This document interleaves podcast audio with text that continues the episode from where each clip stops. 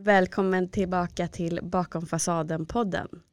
Det här avsnittet är extra intressant för till min hjälp så har jag tagit en gäst som har varit otroligt omtyckt och populär hos er lyssnare.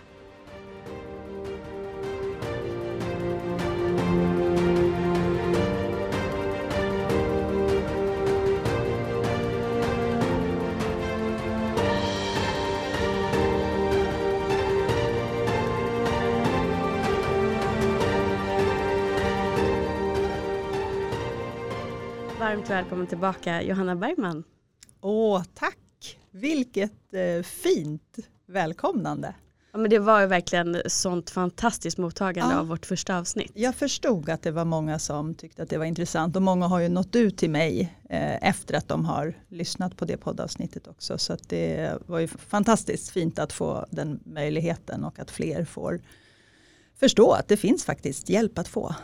Ja men verkligen Mm. och jag upplever också att av de sakerna jag hela tiden kommer tillbaka till när det gäller just att eh, hitta verktyg till att Mm. läka så är ju just inre barnet en så stor del av min egen läkning. Ja, ja, Så att det är så fint att då få, få hjälp av någon som verkligen kan att förklara hur det fungerar, hur man kan tänka och sen också att kunna förmedla att du erbjuder kurser inom ämnet. ja just precis. Ja, men, och väldigt fint för oss som, som jobbar med och vill eh, hjälpa människor att hitta sina inre barn, att få den hjälpen av dig, att du pratar om det och att du erbjuder det här spacet. Så tack till dig. Ja, Mm. nej, men det är självklart. Och ehm, för det är många också som vi hörde om referera till dig som eh, just ditt Instagram-namn, Johanna Ja. So You. Ja, Så att, eh, det, det är alltså den Johanna som ni Johanna om. Soju, det blir många olika. Soju Ja. är det många som säger. Ja. Men det är ju, det är ju so you, att man ska få bli sig själv. Liksom. Mm. Exakt, och få känna att man hittar sitt autentiska jag. Exakt. Men i den, eh, på den resan kan man väl säga så har ju det också blivit så att för mig och många andra att vi måste ta tag i, i våra trauman Mm. och eh, gå tillbaka ofta. Man kanske tycker att det är någonting som man har läkt men det är läkt på ett plan att man inte tänker på det längre men det finns fortfarande kvar i kroppen. Ja, Och det visar sig på olika sätt. ja. Exakt, alltså det, jag, jag tänker så här, läkning, vi kan, vi kan tro och få för oss att vi är läkta för att vi har liksom laddat ur eller vi har pratat så mycket om någonting och att det inte längre känns särskilt mycket när vi pratar om det. Men sen uppstår det nya situationer och nya relationer som kan trigga igång det där igen och då märker vi att okej, det var inte helt utläkt. Eh, och jag tänker det att hela livet är egentligen en enda lång läknings läkningsresa. Plus att det är ju inte endast i barndomen trauman uppstår utan de uppstår ju hela livet. Men Ja, ja. ju mera vi kan gå tillbaka och läka och ta hand om våra inre barn så blir vi bättre på att eh, hantera när jobbiga saker händer med oss. För det som, det som är mitt fokus är ju, jag har ju klienter som kommer in med, med trauma men de flesta som eh, söker sig till mig är ju de som, är, som liknar mig som har mera utav ett uppväxttrauma som ju skiljer sig ifrån ett trauma. Traumat är ju det stora. eh, Vi vet om att vi har varit med om trauma. Medan uppväxttrauma är de här små, små sakerna som bara pågår. Eh, och framförallt de sakerna som inte pågår. Den här försummelsen eh, som jag vågar säga alla har varit med om på eh, ett eller annat sätt och i olika utsträckning så har vi under vår uppväxt från att vi föds inte fått alla våra behov mötta och uppfyllda på det sättet som vi hade behövt.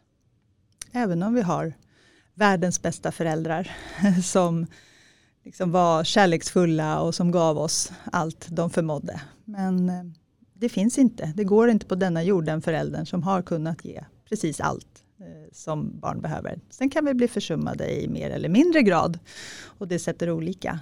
eh, Det finns ju olika teman på vilka sår vi får och också olika djup. Hur djupt blir det här traumat? Det beror ju på hur, hur ofta, hur stor och hur konsekvent försummelsen är.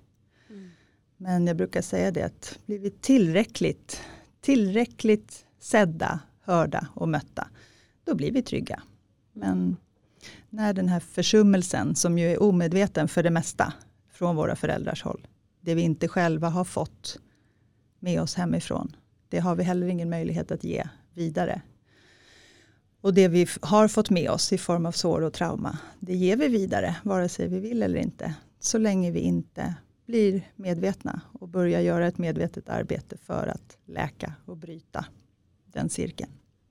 Mm. Ja, och jag tänker också att det, det, det kommer ju ofta ifrån att en förälder har viljan och de har kärleken men kanske inte är medvetna om att kapaciteten inte finns för just deras barns behov. Nej. Det kan ju vara sådana saker som de flesta av oss som har eh, arbetande föräldrar har uppstått att det, det finns kanske inte ork när de kommer hem att lyssna på någonting vi har varit med om att vi behöver föra ut och, så, och bli, känna oss sedda och lyssnade på. Mm. Eh, utan de tänker att nej men för nu måste jag laga mat, jag måste eh, sätta igång tvätten, jag måste göra det här och det här. Så på ytan så verkar det ju inte som ett trauma men det blir ändå det, särskilt när det pågår om om igen så som du var inne på.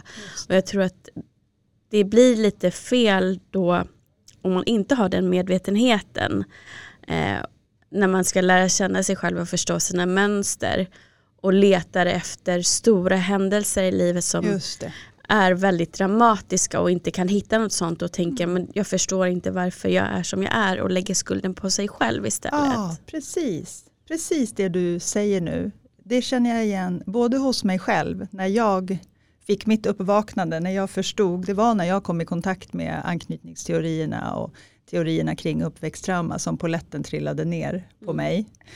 Eh, för det, det är många som går med skuld över att må dåligt Eh, en oförståelse för varför mår jag dåligt men också en skuld för jag har inte rätt att må dåligt. Jag som har det så bra. Jag hade det ju tryggt och bra när jag växte upp. Men börjar man, börjar man jag tänker att det börjar med kunskapen, att förstå vilka enorma behov som barnet har. De är så stora och vi så, vårt nervsystem är så känsligt. Och vi är så utsatta som barn. Och det som du var inne på med, med föräldrar som gör så gott de kan och de tillgodoser ju, de flesta som kommer till mig har ju fått sina fysiska behov fullt eh, mätta. Liksom. Det är tak över huvudet, mat på bordet, kläder på kroppen. Så. Men det är ju den här eh, emotionella försummelsen mm. och den mentala, det här hjälpen med mina tankar, hjälpen med mina känslor. Det som händer på insidan och det behöver inte ens vara något som vi vuxna eh, tolkar som jobbigt på utsidan. Men det är nytt för barnet. Det är skrämmande för barnet. För att barnet har inte varit med om det här. Det finns ju inga referensramar när vi ser någonting för första gången. Vi vet inte. Är den där farlig eller snäll? Mm. Är den här platsen trygg eller otrygg? Vi har ingen aning. Så att vi behöver den guidningen. Och det är ju som, det är bara gå till, jag kan bara gå till mig själv som förälder. Att den här förmågan att i varje stund kunna ställa sig i barnets skor och se, eh, anta barnets perspektiv och, för, och försöka, försöka förstå hur kan den här situationen kännas och upplevas för mitt barn och ha den kommunikationen med barnet. Vad känner du nu? Vad tänker du nu? Vad händer inuti dig? Och bara det det intresset. Att barnet känner att där grundläggs ju en känsla av att jag är viktig. Det som händer i mig är viktigt. Eh, det grundläggs en trygghet för att min vuxna står här och är intresserad och, och beskyddar mig. Och att få guidningen också.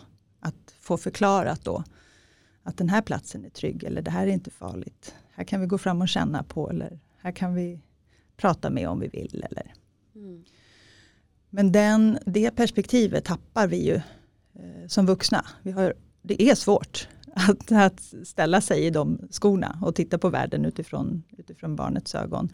Och både, både att vi har svårt att göra det för att vi har hamnat så långt ifrån det själva. Men sen också tiden, som du säger, det ska ju lagas mat. Det ska ju, det är liksom vardagen är där och pockar på. Mm.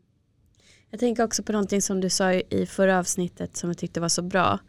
Att just kunna ändå rädda upp situationer genom att om, eh, jag tror exemplet var att du råkar eh, snäsa ifrån till ditt barn eller någonting för att du själv är stressad. Just det. Mm. Och sen då går till barnet om det är så att barnet eh, drar iväg eller sådär och försöker förklara och be om ursäkt.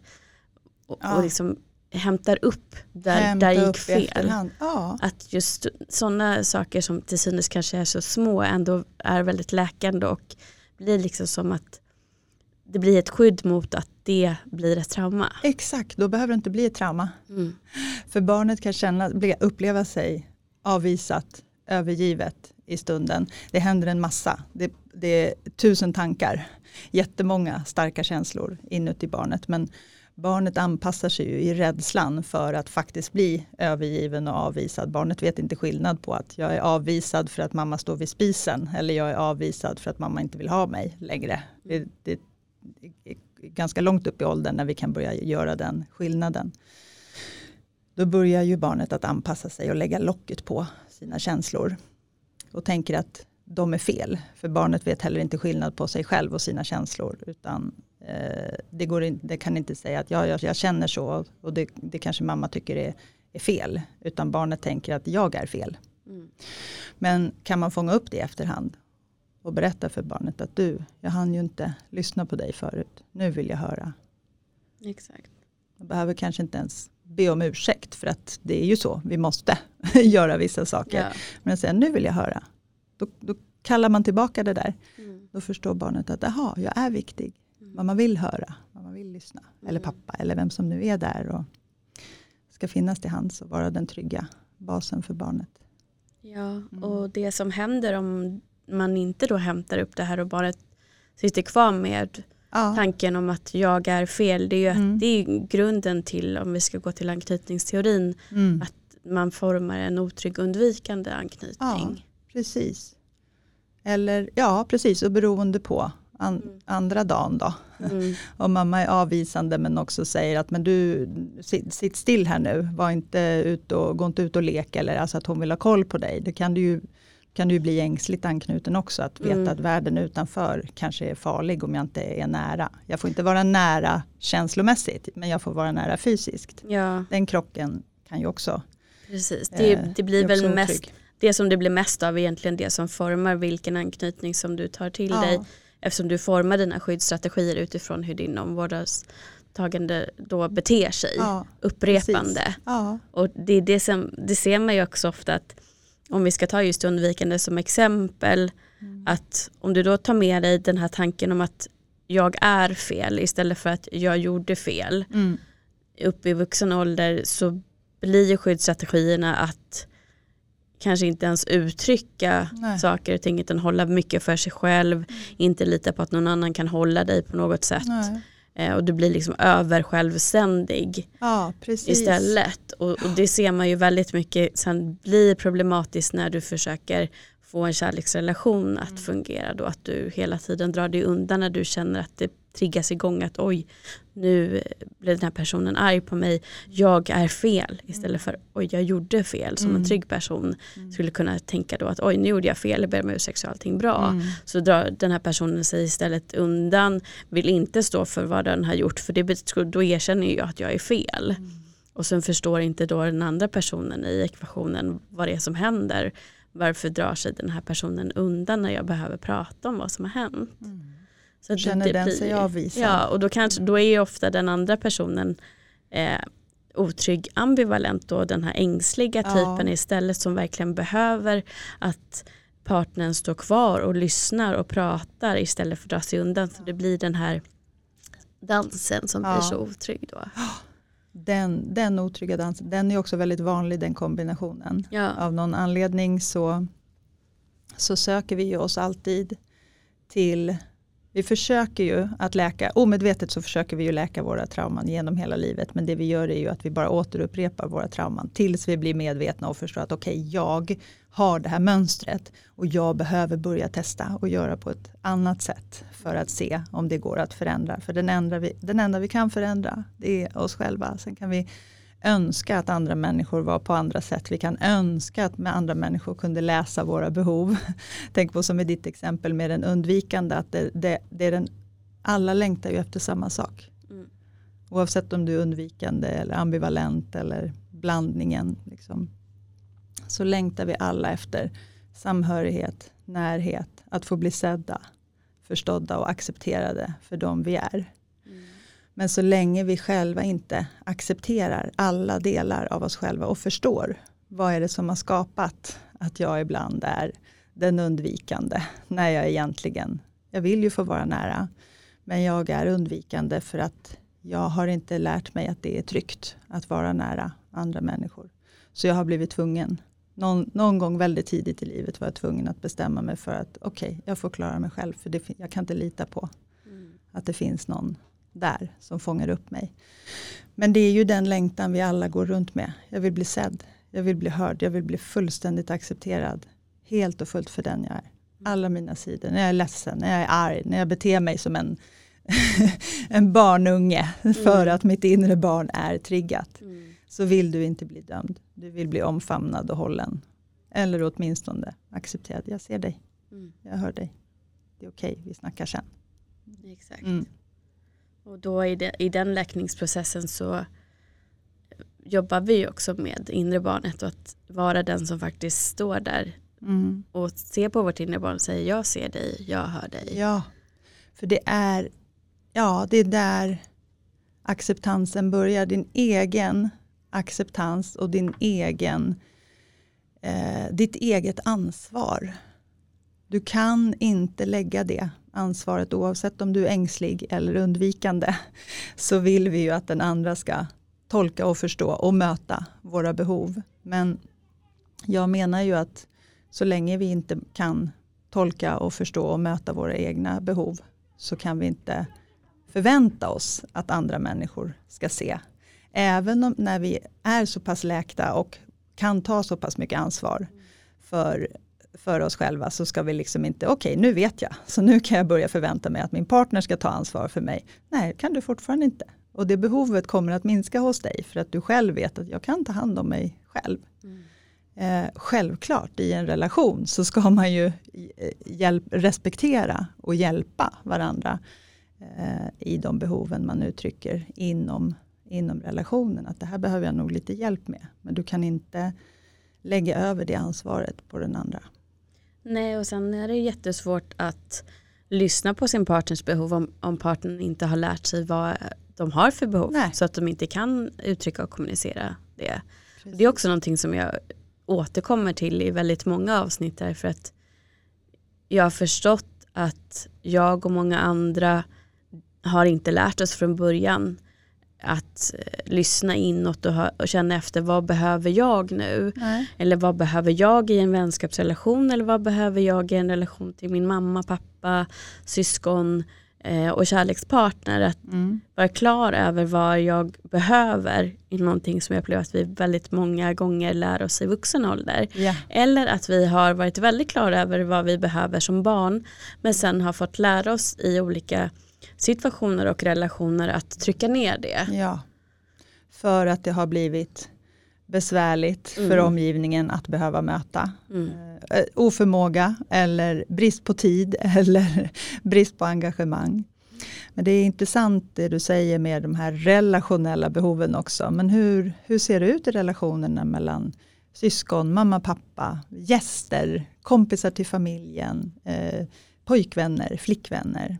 Um, de här, våra grundläggande behov som, som du säger, de får vi lära oss väldigt tidigt att lägga locket på. Mm. Tänker på den här äh, fasen, alltså bebisfasen när vi bara, vi bara är. Vi, det är ju det enda vi är så är det ju känslor och behov. liksom. Vi skriker eh, och någon kommer springande med mat eller en torr blöja eller mera kläder eller mindre kläder. Eller, alltså det blir ju den här liksom, narcissistiska fasen mm. där vi bara säger okej okay, jag behöver bara gapskrika lite så, så tillfredsställs mina behov. Men sen ju mer vi växer och våra emotionella behov och mentala behov inte blir mötta med samma snabbhet och inkännande så, så, tro, så vet vi ju fortfarande att men de här, de här behoven, mina fysiska behov, det kan vi ju inte kategorisera så i den åldern, men, men de var okej. Okay. Men de här blir inte mötta, då är ju de inte okej. Okay. Så då lägger vi locket på. Och det som händer sen när vi lägger locket på, det är ju att de faller ju i, i glömska. Dels så blir de, eh, kan de bli skam, liksom skambelagda. Vi skambelägger dem, att vi skäms för att vi har behov och till slut så glömmer vi ju bort dem. Vi kan inte koppla ihop dem. Eh, våra, våra känslor, känslorna och behoven är ju någonting som jag jobbar med alla mina klienter. För eh, både jag själv för några år sedan eh, och så gott som alla mina klienter kommer in och jag frågar dem, vad känner du just nu? Vi sitter och pratar och så frågar jag, vad känner du just nu? Nej, det är, va? Eh, jag vet inte. Eller så, så, få, så kommer en tolkning. Nej, men jag vill ju bara när han säger så eller när det blev så, då vill ju jag bara, ja det är vad du vill göra. Vad känner du? Mm. Nej, men jag känner att jag, ja, jag är ju tydligen inget värd. Ja, men det är en tolkning. Mm. Vad känner du? Vad är det för känsla? Och så håller, på, håller vi på så och petar. Ja. liksom. Och det finns ett motstånd. När jag började i terapi och jag fick den frågan av min terapeut varenda gång, flera gånger, så fort jag sa någonting, vad känner du? Så blev jag provocerad, jag blev triggad. Mm. Jag blev arg. Du, vad ska vi prata om det? För jag höll ju på att berätta någonting här. Mm. Det är det här jag vill prata om. ja, jag vet vad du känner. Och så funderade jag och så, och så kände jag att jag ingen aning. Och då kunde jag, istället för att säga att jag vet inte vad det är jag känner, så blev jag arg och sa att men vad, vad ska du veta det för? Och det var ju för att ja, men jag vet ju inte ens själv vad jag känner. Hur ska jag kunna förmedla det till dig då? Och det uppstår ju ganska ofta i, i terapirummet. Man reagerar olika. Jag blev triggad, jag blev arg. Mm. eh, en del blir ju liksom eh, förvirrade och, och, får den här lite prestationstanken att va, nu är det någonting jag inte kan, jag kan inte det här. Mm. Nej, klart att du inte kan, för du har inte fått lära dig att sätta ord på, på dina känslor. Vi känner dem, men vi har ingen aning om vad de står för. Mm.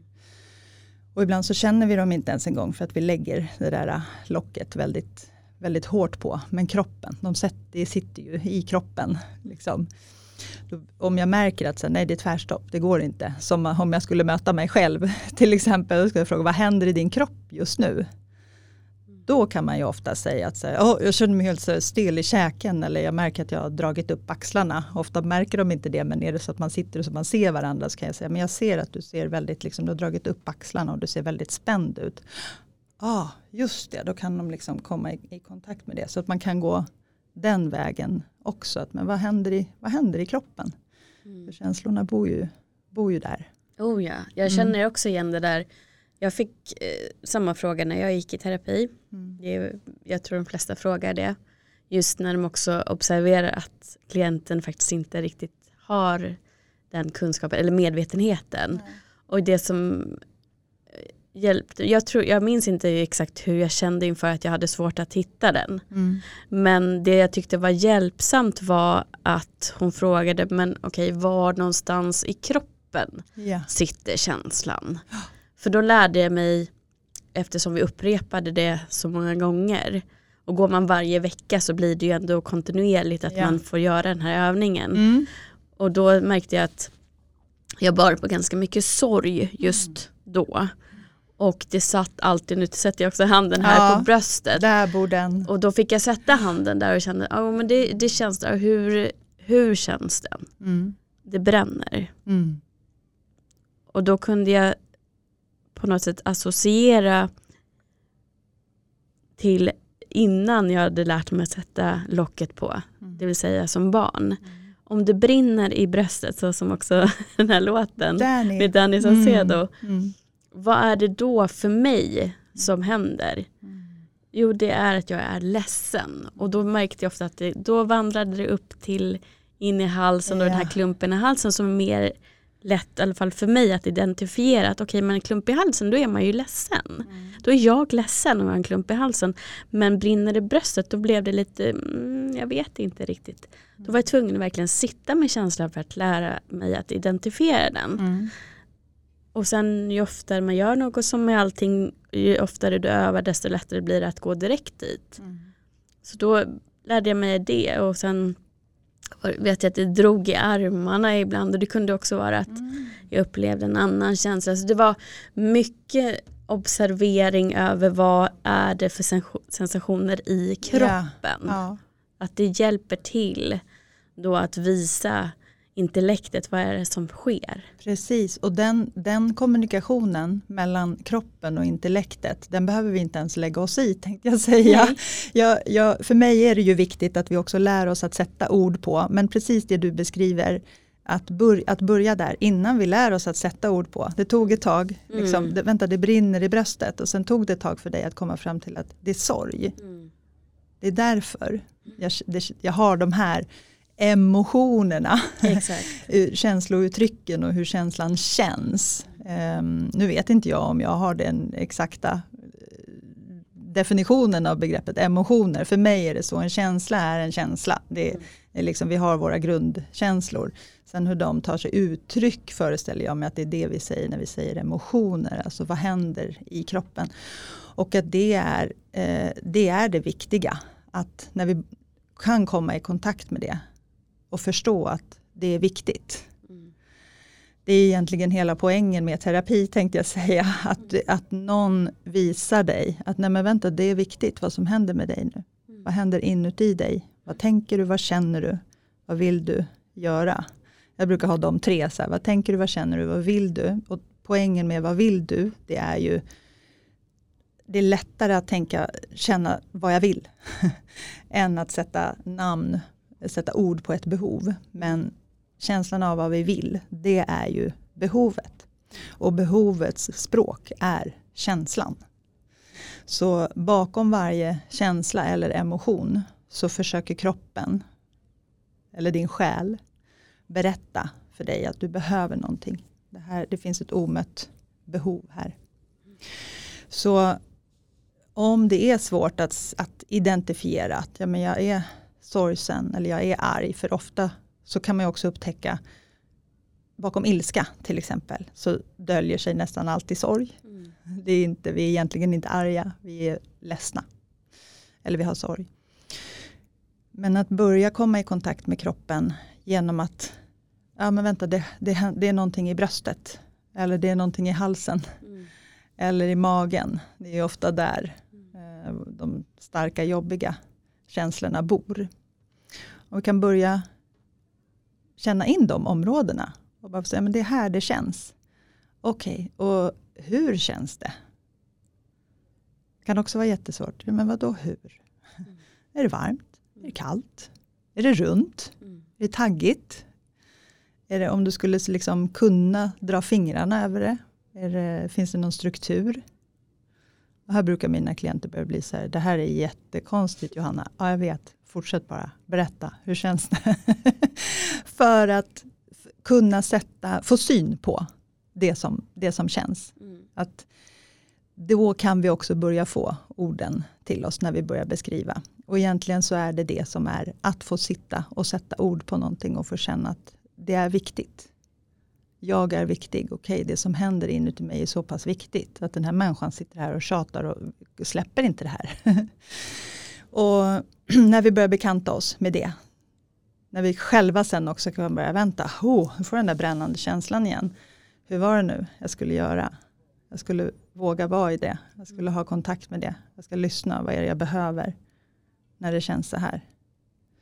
Då, då, då, då, då sker ju läkningen liksom även utanför även utanför terapirummet tänkte jag säga, det är ju där, det är utanför terapirummet, den sker i terapirummet så får du ju egentligen spegling och verktyg och, mm. och sätt som du kan jobba med vidare. Men det är det som är viktigt tänker jag om man, om man vill gå in i en läkningsprocess. Att eh, göra jobbet mm. i vardagen, i det verkliga livet. Ja, för du får, när du får kontakt också tänker jag med kroppen då är det ju mycket lättare också att förstå vad jag tjatar om när jag säger lyssna inåt. Ja. För det är ju det du hör då när Ja. du lyssnar inåt. Det är ju vad, vad säger kroppen till dig, vad säger själen till dig. Och vad är det du behöver just nu blir lättare att svara på. Mm. För att jag kommer känna efter vad jag behöver. Och sen tänker jag också att är du inte van vid att någon ser dig och hör dig Mm. som en förälder Mm. och sen går till en terapeut som inte försvinner utan står kvar i med sin fråga som visar på att de vill se dig och vill höra dig. Det kan ju kännas väldigt svårt att, att själv stå kvar Ja. då i början. Ja. Och det kan kännas provocerande, Ja, triggande, ja, ja. jättejobbigt. Men också förstå då varför det är jobbigt och inte att tolka det som att det är någonting som är fel. Utan Nej. det är någonting som du inte är van vid och du har lärt dig att det ska vara på ett annat sätt. Därför är det här obekant och kan uppfattas som ett hot faktiskt. Ja, precis. Och att vi, som jag sa förut, att vi upp, upprepar våra, våra trauman. Vi behandlar oss ju själva Mm. på det sättet som vi bedömde oss värda att bli behandlade. Så om vi ofta kände oss avvisade eller blev faktiskt avvisade som små så avvisar vi oss själva.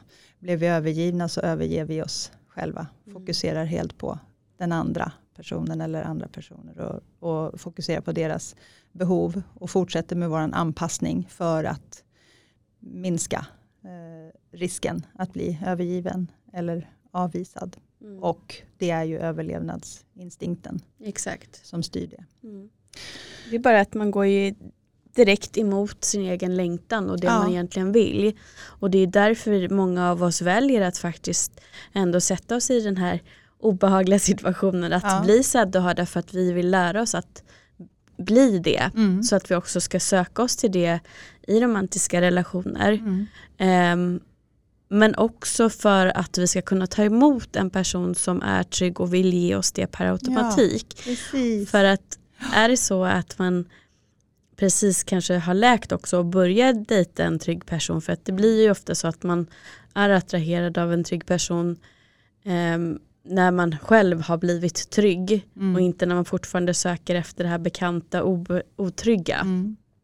Men även om det känns bra så känns det ju också där som obehagligt och man Ja. förstår inte varför det händer när allting är så bra. Mm. Eh, och det, det vet jag också är jättevanligt att har du en historik av att du har haft relationer med otillgängliga män eller kvinnor därför att din eh, förälder varit otillgänglig emotionellt så söker du dig till det därför att det är bekant och då känns det tryggt för dig. Ja, Och det är bekant fel. hemma. Ja, precis. men också för att vi omedvetet försöker mm. laga.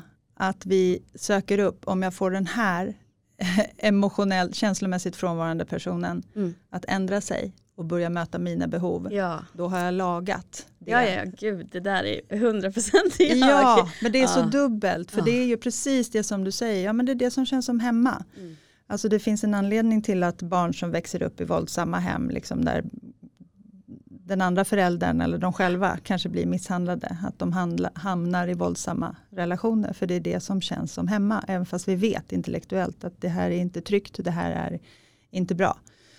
Men det är det som känns som hemma. Och, Ja, och, och också det här att jag, jag släppte inte taget heller och, och, för att jag ville ju omvända och Ja. läka och, och kände på något sätt att om jag ändå lyckas med det här så Mm. kommer ju jag få största vinsten. Exakt.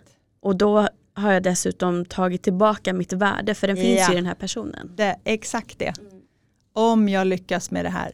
Om, om den här personen gör det jag behöver för att jag ska känna mig trygg. Mm. Och då har du ju helt övergett dig själv. Då har du inkompetensförklarat dig själv. Du har Absolut. så mycket, Mm. du har så mycket kompetent, kraftfull läkekraft inuti dig själv. Om du är redo att ta ansvar. Och det är ju jätte, det är jätte, det är, det är liksom the harsh truth. Ja, ja. att så här, nej, du är inte ett offer för dina omständigheter och dina relationer och hur andra människor beter sig.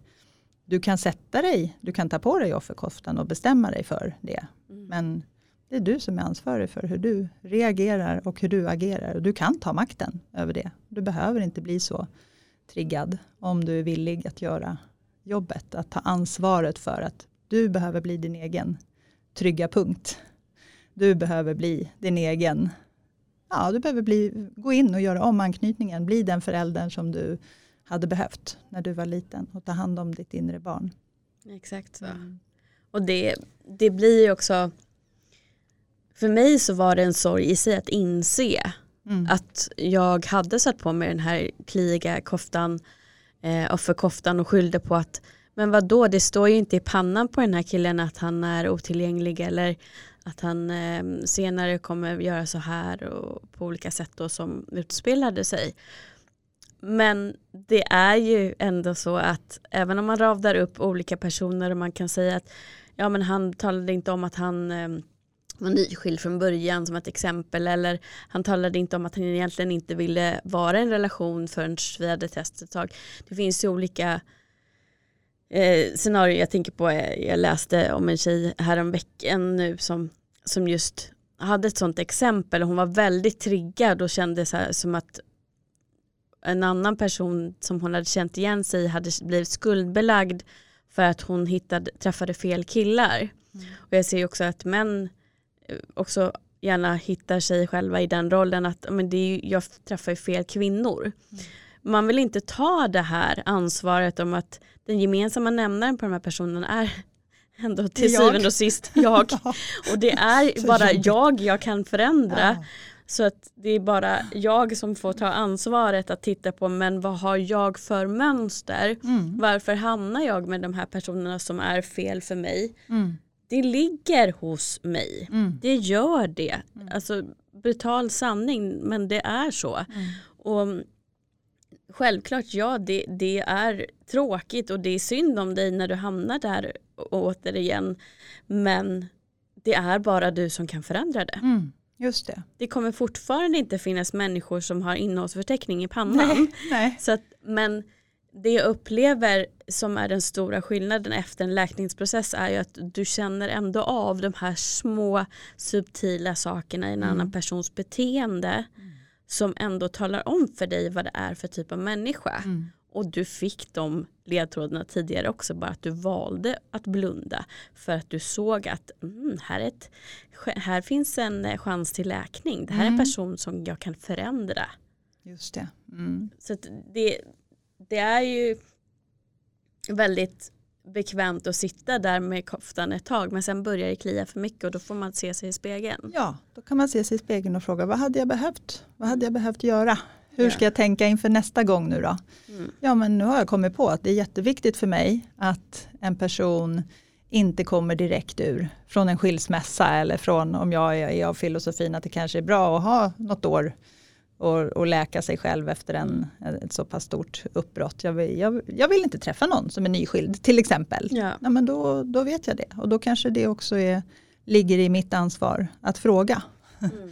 personen att okej, okay, hur ser det ut? Jag tänker på alla de här äh, mitt guilty pleasure är att titta på alla dejtingsåpor ja, som, är, som går på tv. eh, och de är, där är det ju så häftigt, för där är det ju så himla uppenbart att ja, men vi är här för att dejta och det är viktigt nu att vi lär känna varandra och att vi förstår varandra och vad har du för behov och vad har jag för behov. Eh, och de frågorna som ställs i de programmen är ju egentligen, det är bara att skriva ner, ha med dig ditt frågebatteri på nästa, nästa dejt. Och bestäm dig för, men vad behöver jag i en relation och vad, vad är det som är viktigt för mm. mig? Mm. Men ofta så går vi ju in i, i dejter eller nya relationer som, som känns spännande och har så stort fokus på att vi ska bli omtyckta. Istället för att faktiskt fundera på, är det här en person som, som jag kan tycka om och som kan bidra till mitt liv och som kan vara bra för mig. Mm. Som är det jag söker. Ja, precis. Mm. Jag tänker också som tillägg till det jag sa tidigare att bara för att jag och många andra behövde ta ansvar för att den gemensamma nämnaren är det som gick fel Mm. var jag själv. Med det sagt inte att man behöver skuldbelägga sig själv vill jag bara lägga till. Utan snarare gå på upptäcktsfärd bakåt i tiden. Hur blev det så här?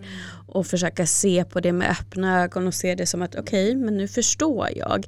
Jag kan se att det har funnits uppväxttrauma i att till exempel det kan ha varit en förälder som kanske själv aldrig har fått lära sig att vara fysisk och kramas och säga jag älskar dig. Och då för det vidare eftersom det är det de vet. Och kan se då att okej, då förstår jag varför jag har så svårt för det här. Men i och med att jag ser det och jag medvetet gör det nu så stannar det i alla fall här hos mig och jag kan välja att förändra och göra tvärtom själv. Och då gå framåt och läka och se på det liksom mer med acceptans och ja, okej, nu, nu vet jag vad jag har att jobba med. Då kan vi Exakt. gå framåt med det. Det var jätte, jättebra att du tog upp det. För med det här, när jag säger så här, this is the harsh truth, så här, det här är ditt ansvar nu. Det kan ju kännas tufft och, och kantigt. Men anledningen till att vi jobbar då med det inre barnet, det är ju precis det där. Att då inte bli skamsen. Att åh nej, nu gjorde jag fel. Eller liksom skuld, skuldbelagd. Att jaha, jag borde ta mera ansvar. Utan att förstå, när man förstår, vad, vad kommer det här sig av då? Jo, men jag lärde mig ju att det var på det här sättet. Eller jag fick aldrig lära mig att det kunde vara på det här sättet. Och att det sitter ett litet, litet barn som Ja. hade behövt stöd och hjälp. Men som inte fick det, hon eller han behövde.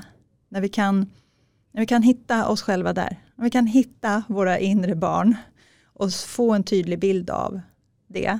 Och, och börja se att okej, där, där stod jag med den här förvirringen och rädslan och, och chocken. Och ja, det fanns kärlek och glädje och, och lek och samvaro och, och så. Men det var väldigt mycket som jag aldrig lärde mig och som har skapat det här mönstret. Då, då blir det väldigt svårt när den kontakten väl har uppstått och man kan hålla, hålla kvar den. Då blir det väldigt svårt att vara sådär sträng med sig själv och lägga skuld på sig själv. För då kan man direkt förstå när ens inre barn är aktiverat. Ah, nu är jag där igen och letar efter kärlek på fel ställe. Eller nu är jag där igen och tänker att han eller hon skulle kunna läsa mina tankar och förstå vad jag behövde. Jag måste ju jag måste uttrycka det. Liksom. Så det är en jätteviktig aspekt, verkligen, i läkningsarbete. Det är, eh, det pratas mycket om självkärlek och jag tänker det att den förståelsen, kunskap och förståelse för våra mönster, eh, kunskap om vad som formar en människa i allmänhet och sen vad som har format dig i synnerhet. Att faktiskt sätta dig och titta på, okej okay, hur har mitt liv sett ut då?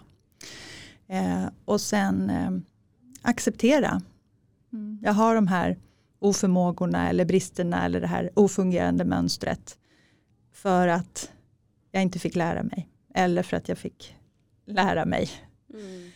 Um, och den att, att bli medkännande med sig själv det är mycket lättare när vi är i kontakt med våra inre barn, när vi ser vad som fattades. Och då kan vi bli medkännande med oss själva. Och med medkännande kom, växer ju kärleken. Ju mer jag kan möta mig själv med ömsint omtanke och förståelse. Ah, just det, nu är jag där igen och gör det här. Och jag gör ju så här för att jag bara provar mig fram. Jag har ingen aning om hur jag ska göra, för jag har inte fått lära mig det. Mm. Så den, den självmedkänslan, self-compassion, det leder ju till självkärlek. Men ofta vill vi börja i fel ände. Liksom. Jag ska älska mig själv. men det gäller ju att börja så här, men först måste du ju förstå. Och sen måste du acceptera dig själv. Mm. Det är inte så att du ska ta bort alla, eh, alla jobbiga känslor. De, måste också, de bor i dig och de, de är också viktiga. De kommer att fortsätta berätta för dig när du är på fel ställe eller i fel relation. Eller... Ja, exakt. Mm. Jag säger som min första coach Nathalie Taube. Hon eh, gjorde såna här små kylskåpsmagneter med budskap. Ja. Och eh, jag har en på kylskåp som säger att alla känslor har budskap. Ja. Och det tycker jag är så talande och så sant. Mm. Och viktigt att bära med sig att alla känslor är okej för de har olika budskap Ja. till dig. Precis. Och alla känslor väcker ju en tanke. Ja. Och när vi kan börja förändra våra tankemönster från att liksom slå på oss själva eller skämmas över oss själva eller tycka att det här var väl larvigt att jag håller på och känner så här mycket eller jag känner mig så barnslig eller det här är så typiskt mig eller utan när vi faktiskt kan säga vänta vad står det här för? Som jag sa här i början, vad vill, vad vill jag? Mm. Det betyder vad behöver jag? Mm. Och det kan ta jättelång tid innan vi får de svaren men att våga sitta kvar och ibland bara konstatera okej jag vet inte just nu Mm. men jag ska, jag ska ta, jag tar frågan med mig. Liksom. Ja. Mm. Jag tänker också just med uppväxttrauma och det här med att man ändå kan förstå varför det har blivit som det har Ja. blivit. Att inte heller skuldbelägga belägga föräldrarna utan förstå hur deras kapacitet såg ut för att Ja. faktiskt kunna ge oss det vi behöver. Mm. Det finns också de föräldrarna där det finns ett barn som kanske är sjukt eller har särskilda Mm. behov. Och då, jag menar vi är ju faktiskt människor allihopa i grund och botten Mm. och det är ingen som klarar av att sträcka ut sig på så sätt om man att kunna finnas där. Så där finns det ju också oundvikligen uppväxttrauma fast intentionen var god. Mm. Tänker jag. Och, och det är ju, jag tror att man vinner mycket på att också försöka se det som att alla föräldrar, om man tänker generellt då, Ja. har en god intention Ja. och vi, välvilja och vill finnas där. Ja. Men just att det finns så mycket i vardagen som tar tid och kraft och tar av den här personens kapacitet. Mm. Att man också ser med medkänsla för föräldern som har gjort det bästa utifrån sin kapacitet. Och sen bara acceptera, precis som du sa i början också, att vi alla bär på uppväxttrauma. Mm. Och också som i ett avsnitt där jag hade där vi var lite mer tydliga om att trauma kan vara små saker och trauma kan vara större saker. Men allt är faktiskt ett trauma för Mm. att det formar oss. Och sen när vi i vuxen ålder väljer att göra slut med det som inte längre tjänar oss kan man väl säga. Mm. Genom att Jaha. sen bli medveten om Mm. varför reagerar jag så här, varför agerar jag så här Mm. i de situationerna och vad kan jag göra Mm. för att förändra det och för att kunna, kunna skapa en bättre och sundare relation med mig själv och Mm. med folk runt omkring mig. Mm. Men att det också finns acceptans och, och tillit till att det går att göra om förståelse och att försonas med det som gör ont. Mm. Det också är väldigt viktigt. Jätte, jätteviktigt. Och det blir nästan som en bonus som kommer på köpet att ju mer du förstår dig själv och förstår de här eh, allt, allt som påverkar, allt som skapar de här eh, mönstren och ju mer du förstår dig själv och att du har blivit som du har blivit så som en bonus så förstår du ju också att aha just det och mina föräldrar är, är resultat av vad de, hur de växte upp och hur deras föräldrar var och som var ett resultat av hur deras föräldrar var, alltså det här nedärvda. Um, och med det sagt, så jag, när jag jobbar med klienter så säger jag alltid så här, för det är viktigt när vi, när vi pratar om det inre barnet, för då blir det ju att vi pratar om hur var det, hur var det med mamma, hur var det med pappa, hur såg det ut, hur blev du bemött, vad hände när du var arg hemma, hur reagerade de då, vad hände när du var ledsen, alltså den här emotionella, eh, hur, hur mottogs dina känslor. Eh, så, så kan det ju bli eh, när vi inte har blivit mötta eh, så är det klart att det triggar igång att eh, vi förstår att när vi förstår att vi har inte fått det vi har behövt så triggar ju det igång en massa känslor och tankar. Eh, men för mig är det alltid viktigt när jag jobbar med mina klienter att säga det här när vi pratar nu så handlar det inte om att vi ska skuldbelägga eller anklaga dina föräldrar utan vi har fokuset på, på det barnet som var du och vi måste våga titta på och vara ärliga med att hon eller han inte fick det hon eller han behövde. Mm. Och vi behöver inte rikta något pekfinger mot någon av dina föräldrar just nu utan nu ska vi bara titta på vad var det du hade behövt som du inte fick. Eh, och sen när vi tittar på vad skapar det för mönster och så vidare så förstår vi ju att aha, mina föräldrar hade, de hade inte den kapaciteten. Men med det, jag rekommenderar ju aldrig en direkt konfrontation, att så här, nu ska du gå och göra upp med dina föräldrar. Men däremot att eh, Att du själv går in och blir din förälder och börjar acceptera ditt inre barns känslor, att inte lägga locket på eller skjuta dem ifrån dig. Utan acceptera dem och sen leva ut eh, känslorna att använda kroppen. För ofta så har vi ju svårt med konkreta minnen från vårt liv. Det är svårt med en tidslinje till exempel i riktigt unga år. Och ju mera traumatiserade vi är desto mindre minns vi av vår barndom. Men att, att kunna börja liksom lyfta på locket över fragmentariska bilder eller episoder ur våra liv och verkligen gå in i och prata om dem och sen använda oss av eh, eh, kroppen som uttrycksmedel för känslor. Jag har ju en, jag kanske pratade om den i förra avsnittet också, men den här att, att stå upp. Ofta har vi ju så mycket undertryckt ilska och sorg. Mm. Men att stå upp eh, och liksom sträcka ut en hand framför sig och sätta upp handen i ett stopptecken och bara säga så här, du, det var inte okej okay att du eller när du eller att jag inte fick. Um, och att, att liksom stå i sin kraft och låta kroppen vara med i rörelse. Eh, dansa, hoppa och skrika. Alltså bete sig. Bete sig. Mm. Bete sig som ett barn eller bete sig som en galning. Nu gör jag sådana här citationstecken för att det är så friskt att få leva ut sina känslor ur kroppen. För det är ju när det är ju där det börjar. Mer och mer ny forskning visar ju nu att det finns nästan inga nedärvda sjukdomar. nästan allting är um, det är ju mönster som är nedärvda så därför så, så är det många åkommor um, som liksom återkommer i familjeled. Men att det är eh, beteendemönster, tankemönster, känslomönster som skapar trauma i kroppen som gör att vi får samma sjukdomar som har funnits i våran släkt. Det här är jättespännande. Jag har inte dykt ner jättedjupt i det så att jag kan egentligen inte sitta och återge eh, liksom vetenskapliga fakta här. Men jag har börjat intressera mig väldigt mycket för hur en traumatisk händelse eh, skapar en reaktion inuti den lilla barnkroppen. Mm. Att den eh, påverkar utvecklingen av hjärnan. Det händer ju fysiologiska, kemiska, biologiska grejer i kroppen och i hjärnan som påverkar hur hjärnan formas.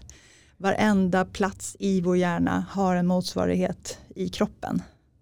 Så eh, det, det som jag har eh, läst nu, där kan de till och med beskriva att en eh, bukspottkörtelcancer är kopplat till ett tidigt trauma som påverkade en viss del i hjärnan som då motsvarar. Hade det här traumat påverkat en annan del av hjärnan så hade det blivit en annan fysisk sjukdom.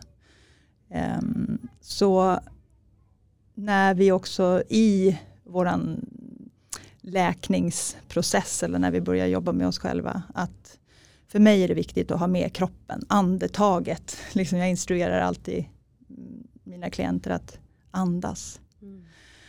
Djupt in i kroppen, bjuda in andetaget djupt in i kroppen.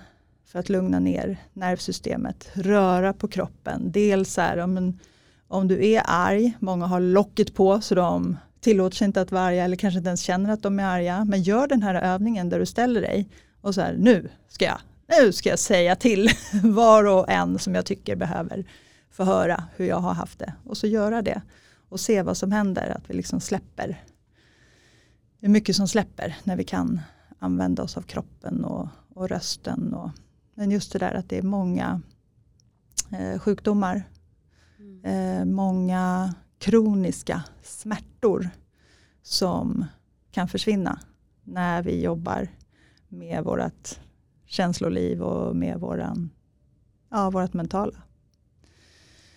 Mm. Ja men det är jätteviktigt och jag har väl varit lite där och, och mm, nämnt det tidigare. Um, just därför att jag tycker att hittar man ingen annan motivation till att ta tag i det så kan det också vara kanske en en liten alarmklocka som ringer när man ändå får veta att när, när du trycker ner någonting du kan skapa sjukdom inuti dig ja, själv. Precis. Att då kanske man i alla fall vaknar upp lite ja. tänker jag. För det är så många som, och jag, jag inräknat där tills för inte alls länge sedan, som liksom lever separerade eh, liv, att våran, våran fysiska kropp, det är, det är våran fysiska kropp. Vårat, våra känslor är våra känslor och våra tankar är våra tankar. Men det är ju, vi har de här tre kropparna, vi har den fysiska kroppen, vi har den mentala kroppen, mm. vi har känslokroppen. Det är liksom de tre nivåerna vi har. Mm.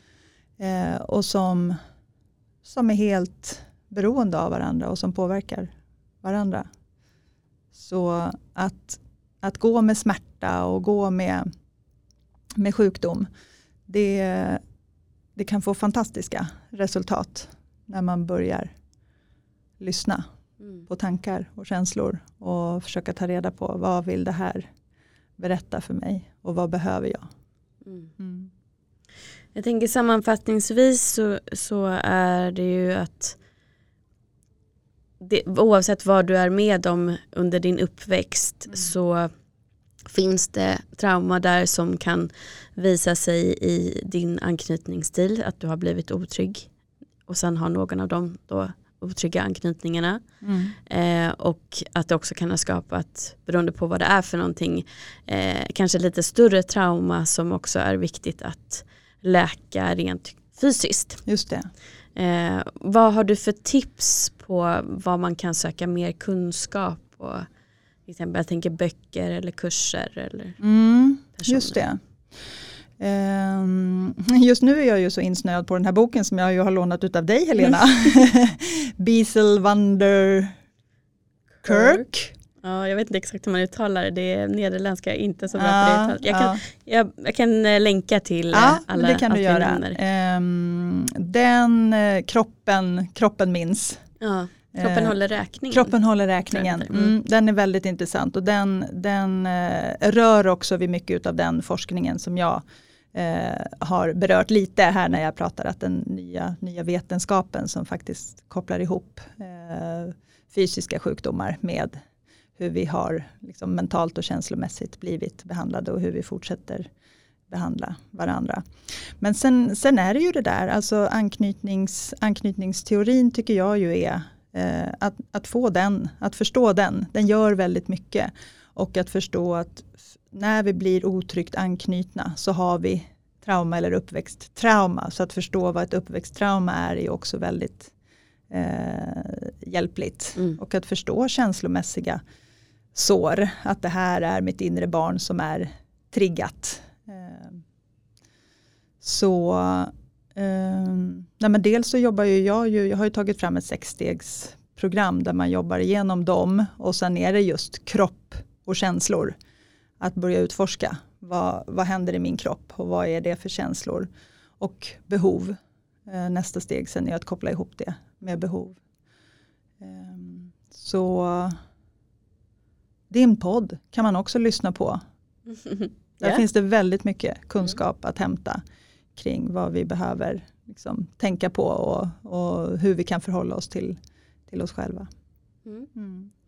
Eh, den eh, kursen eller man ska kalla det som just om anknytning som du har. Mm. Är det någonting man kan köpa kontinuerligt? Ja, just det. Jag har ju plockat ut den. Det första, första steget i, i, i det här sex månaders programmet. Mm eh, steg 1.1.